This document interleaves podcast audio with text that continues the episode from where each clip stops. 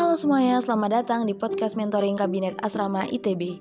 Nah, kemarin teman-teman udah dengerin nih, gimana sih serba-serbi jadi penghuni di asrama ITB, pengalaman apa aja yang didapat dan keseruan apa aja yang dialamin gitu. Kali ini kita bakal ulik lebih dalam nih tentang kabinet itu sendiri. Nah, narasumber keren kali ini yaitu adalah dua orang keren dari mantan presiden kabinet asrama ITB. Daripada kita penasaran, yuk kita langsung kenalan aja siapa sih mereka? Oke, halo, kenalin semuanya. Nama aku Dita Nur Ashifa, panggilannya Dita dari Teknik Kelautan 2019 dari Asrama Kanayakan. Halo, uh, selamat pagi, siang, sore, malam semuanya. Perkenalkan aku Hanif dari uh, Teknik Pertambangan Angkatan 2018 uh, dari Asrama Sangkuriang. Nah, sebelumnya kan kalian berdua pernah menjabat sebagai presiden kabinet asrama nih. Apa sih yang ngebuat kalian mau mendaftar menjadi kabinet di asrama ITB sekaligus berani nih buat apply jadi presiden gitu?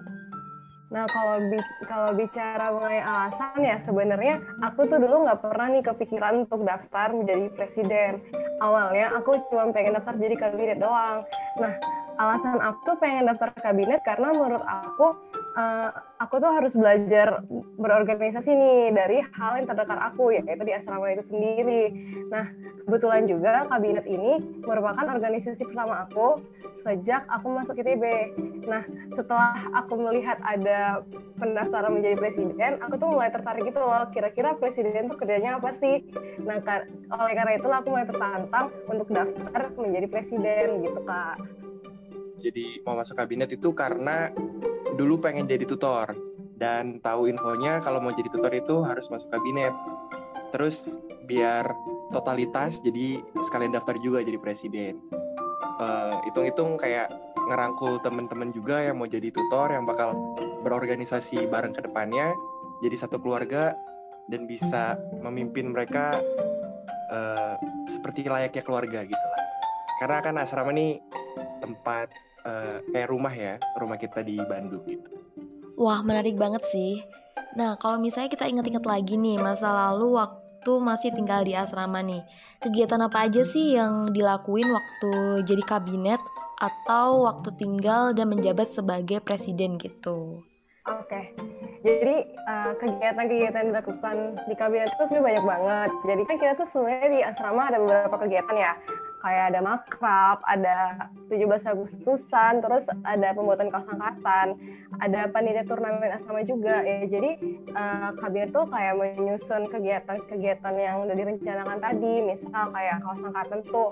Nah, uh, uh, kalau misalnya untuk desain kita tuh kayak buat sayembara gitu bagi teman-teman asrama lain yang punya bakat untuk ngedesain baju terus kayak makrab gitu. Kita tuh buat acara malam keakraban yang isinya pasti seru-seru banget. Ada gamesnya ada nobar dan lain-lain. Pokoknya banyaklah hal yang dilakukan di kabinet. Nah, bener banget tuh tadi katanya Kak Dita. Jadi selain kita jadi panitia 17-an, terus bikin kaos, ada makrab juga di asrama, kita juga punya kegiatan uh, eksternal gitu Contohnya waktu itu ada kegiatan donor darah. Itu kerjasama bareng PMI di Bandung gitu. Jadi kita ngadain donor darah di asrama, kemudian penghuni uh, pada donor dan nantinya diberikan ke warga yang membutuhkan. Selain itu ada juga yang uh, tentang sosial kemasyarakatan yaitu kemasyarakatan ya. Itu ada yang namanya asrama mengajar. Kalau di asrama Sangkuriang sendiri namanya Riksa, Rumpun Ilmu Keluarga Sangkuriang berguna banget gitu buat kita dan juga buat uh, warga sekitar terutama adik-adik yang ada di sekitar asrama. Wah, menarik banget sih kegiatannya. Selain meningkatkan bonding antar penghuni, juga bisa ningkatin bonding juga ya antar warga sekitar, termasuk si adik-adik kecilnya juga itu ya. E, kalau misalnya ngomongin kegiatan nih, pasti nggak jauh dari suka dan duka dong. Nah, kalau menurut kalian berdua, apa aja sih suka dan duka ketika kalian menjabat sebagai presiden dulu gitu? Kalau suka dukanya sih sebenarnya banyak banget ya. Dari sukanya dulu. Kalau sukanya tuh aku tuh bener-bener merasakan dapat teman yang banyak banget dengan latar belakang yang beda-beda. Karena kan kita tuh juga dari daerah yang beda-beda kan. Kayak semua fakultas tuh pasti aku punya temen gitu gara-gara eh karena bergabung eh karena bergabung dengan kabinet itu. Terus sukanya aku banyak belajar sih dari kakak tutor lainnya tentang misalnya tentang uh, membuat makan gitu ya kayak aku tuh sebelumnya nggak pernah buat satu acara gitu tapi di sini aku dituntut untuk buat makrab yang bagus gimana, yang menarik gimana. Nah, di situ aku benar-benar banyak belajar dari teman-teman kabinet dan juga dari kakak-kakak tutor. Untuk dukanya sendiri, oh ini sih aku kadang kesulitan nih untuk mengapres teman-teman yang kadang suka hilang-hilangan di, di tengah keberjalanan kabinet. Kan kalau misalnya uh, mahasiswa tuh pasti ada ya yang namanya demotivasi ya. Ya aku juga kadang merasakan kayak gitu. Kadang ada tanggung jawab aku di kabinet dan juga di akademik kadang sih dukanya di, di itu doang. Jadi kalau ditanya suka duka menurutku kalau aku lebih banyak dukanya ya. Karena jadi seorang presiden di sebuah kabinet itu uh, sebuah uh, perubahan gitu dari dalam diri. Jadi harus banyak dukanya gitu.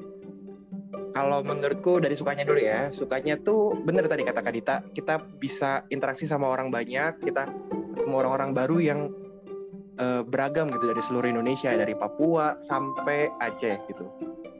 Aku uh, di kabinetku dulu itu ada semua dari Papua sampai Aceh. Jadi bener-bener apa ya beragam banget gitu. Kalau lagi rapat, lagi kumpul bareng, lagi nongkrong itu kita bener-bener uh, sharing tentang daerah masing-masing.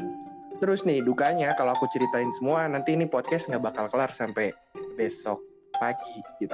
Jadi mungkin yang paling miris aja ya. Kayak uh, dulu tuh sering banget rapat sampai pagi terutama pas uh, lagi ngerjain makrab. Tuh bareng kita rapat bareng tutor-tutor terus rapat sampai pagi sampai tahu ya kalau di Bandung tuh dingin kan. Kita tuh rapat di selasar uh, asrama Sangkuriang sampai pagi sampai kacanya berembun gitu. Tapi uh, kita have aja gitu.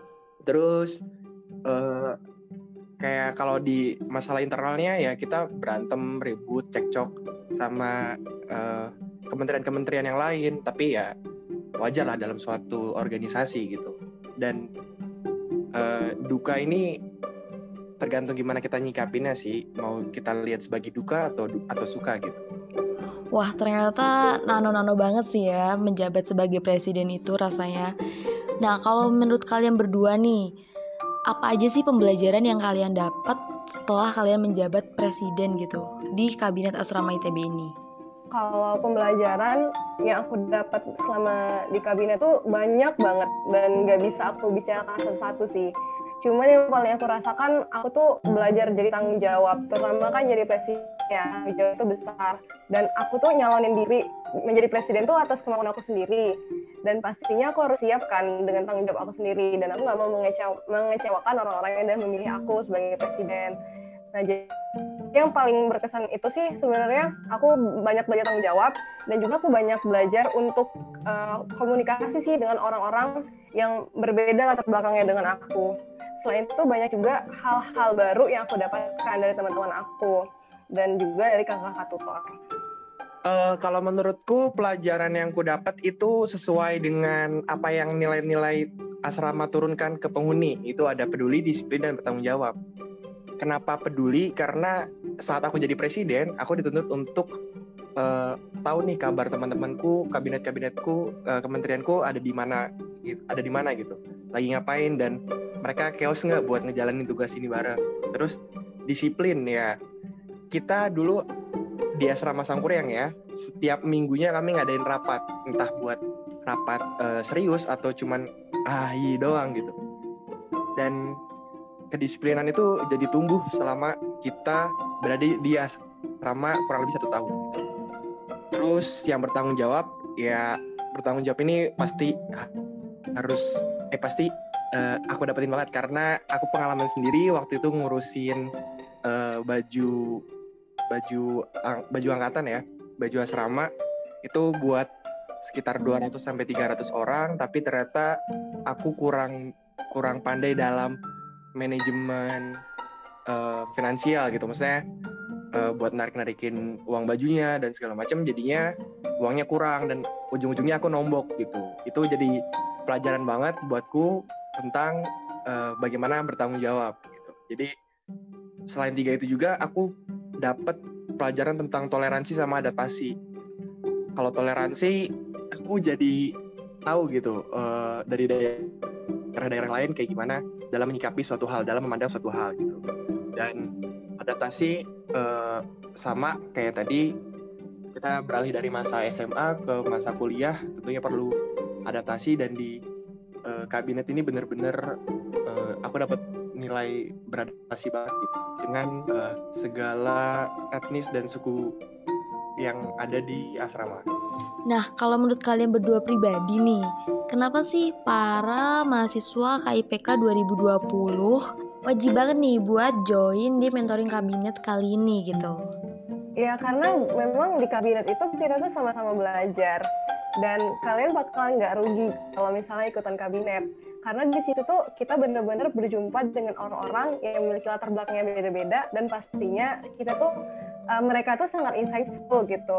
Jadi nggak ada salahnya untuk kalian tuh untuk coba bergabung dengan kabinet. Menurutku asrama ini adalah salah satu tempat pertama yang aku temui sejak aku lepas dari SMA saat aku masuk kuliah aku lebih kenal asrama dulu daripada fakultas-fakultas eh daripada fakultasku gitu. Dan aku bakal hidup di sana satu tahun aku bakal hidup di sana.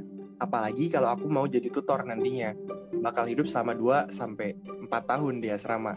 Aku bakal melek mata ngelihat teman-temanku, uh, mermata juga ngelihat teman-temanku juga gitu. Jadi uh, dari dari pagi sampai malam ya ketemunya sama anak-anak asrama juga gitu. Dan kenapa enggak kita bisa berorganisasi sama uh, keluarga kita, orang-orang terdekat kita, daripada kita harus jauh-jauh ke mungkin ke himpunan atau ke unit, ya nggak salah sih, cuman bukankah lebih enak, lebih menguntungkan, lebih nyaman gitu, kita bisa organisasi sama uh, orang-orang terdekat kita dengan masuk kabinet gitu, apalagi jadi presiden. Uh, sekadar informasi ya, di ITB itu ada unit kegiatan mahasiswa, ada himpunan, dan uh, buat di luarnya itu ada asrama, tempat organisasi yang aku ikutin di tiga tempat ini. UKM, kamu eh kalian bisa uh, daftar kapan pun, bisa di tingkat 1, 2, 3, atau 4. Kalian masih bisa daftar uh, eh, UKM itu. Kalau himpunan, uh, kalian masih bisa ikut himpunan juga di tingkat 2, 3, atau 4 tergantung aturan dari himpunannya. Sedangkan kalau jadi kabinet dan menjadi tutor ini, kalian hanya bisa melakukannya di tahun pertama. Jadi begitu kalian melewatkan kesempatan masuk jadi kabinet, ya seumur hidup kalian nggak bakal bisa jadi kabinet, nggak bakal bisa jadi tutor asrama ITB. Gitu. Ya teman-teman boleh lihat sendiri lah nanti uh, prestasi apa aja yang udah dikeluarin sama tutor asrama, uh, kegiatan apa aja, keluar negeri segala macam itu teman-teman bakal nyesel sendiri lah kalau misalkan ngelewatin satu tahun yang berharga ini ya. Tinggal satu semester ya berarti ya. Jadi nggak mau ngomong banyak aku tapi uh, teman-teman bakal nyesel sih kalau uh, ngelewatin kesempatan buat jadi kabinet asrama. Wah keren banget sih pandangan dari para mantan presiden kabinet asrama ITB ini Nah, kalau misalnya digambarkan dalam tiga kata nih, apa sih arti kabinet itu buat kalian berdua? Seru. Keluarga. Belajar bareng. Rumah. Berdampak. Dan selamanya. Wah, terharu banget sih denger ya. Ternyata organisasi ini cukup dalam juga ya artinya buat kalian gitu. Aku kira kalau sebuah organisasi itu bisa jalan kalau ada unsur profesionalitas gitu. Tapi ternyata unsur kekeluargaan dan persahabatan itu juga penting banget nih. Ya nggak sih biar bisa nyiptain bonding kayak gitu kan. Nah buat teman-teman yang udah dengerin podcast kali ini aku ucapin terima kasih dan jangan lupa dengerin podcast selanjutnya untuk lebih mengenal nih kenapa sih kita harus daftar mentoring kabinet dan kenapa buat daftar jadi tutor kita harus dipersiapkan dari sekarang gitu apa aja sih dan kenapa sih sebaiknya itu. Jangan lupa dengerin podcast selanjutnya di channel podcast ini karena masih akan ada informasi menarik selanjutnya dan see you!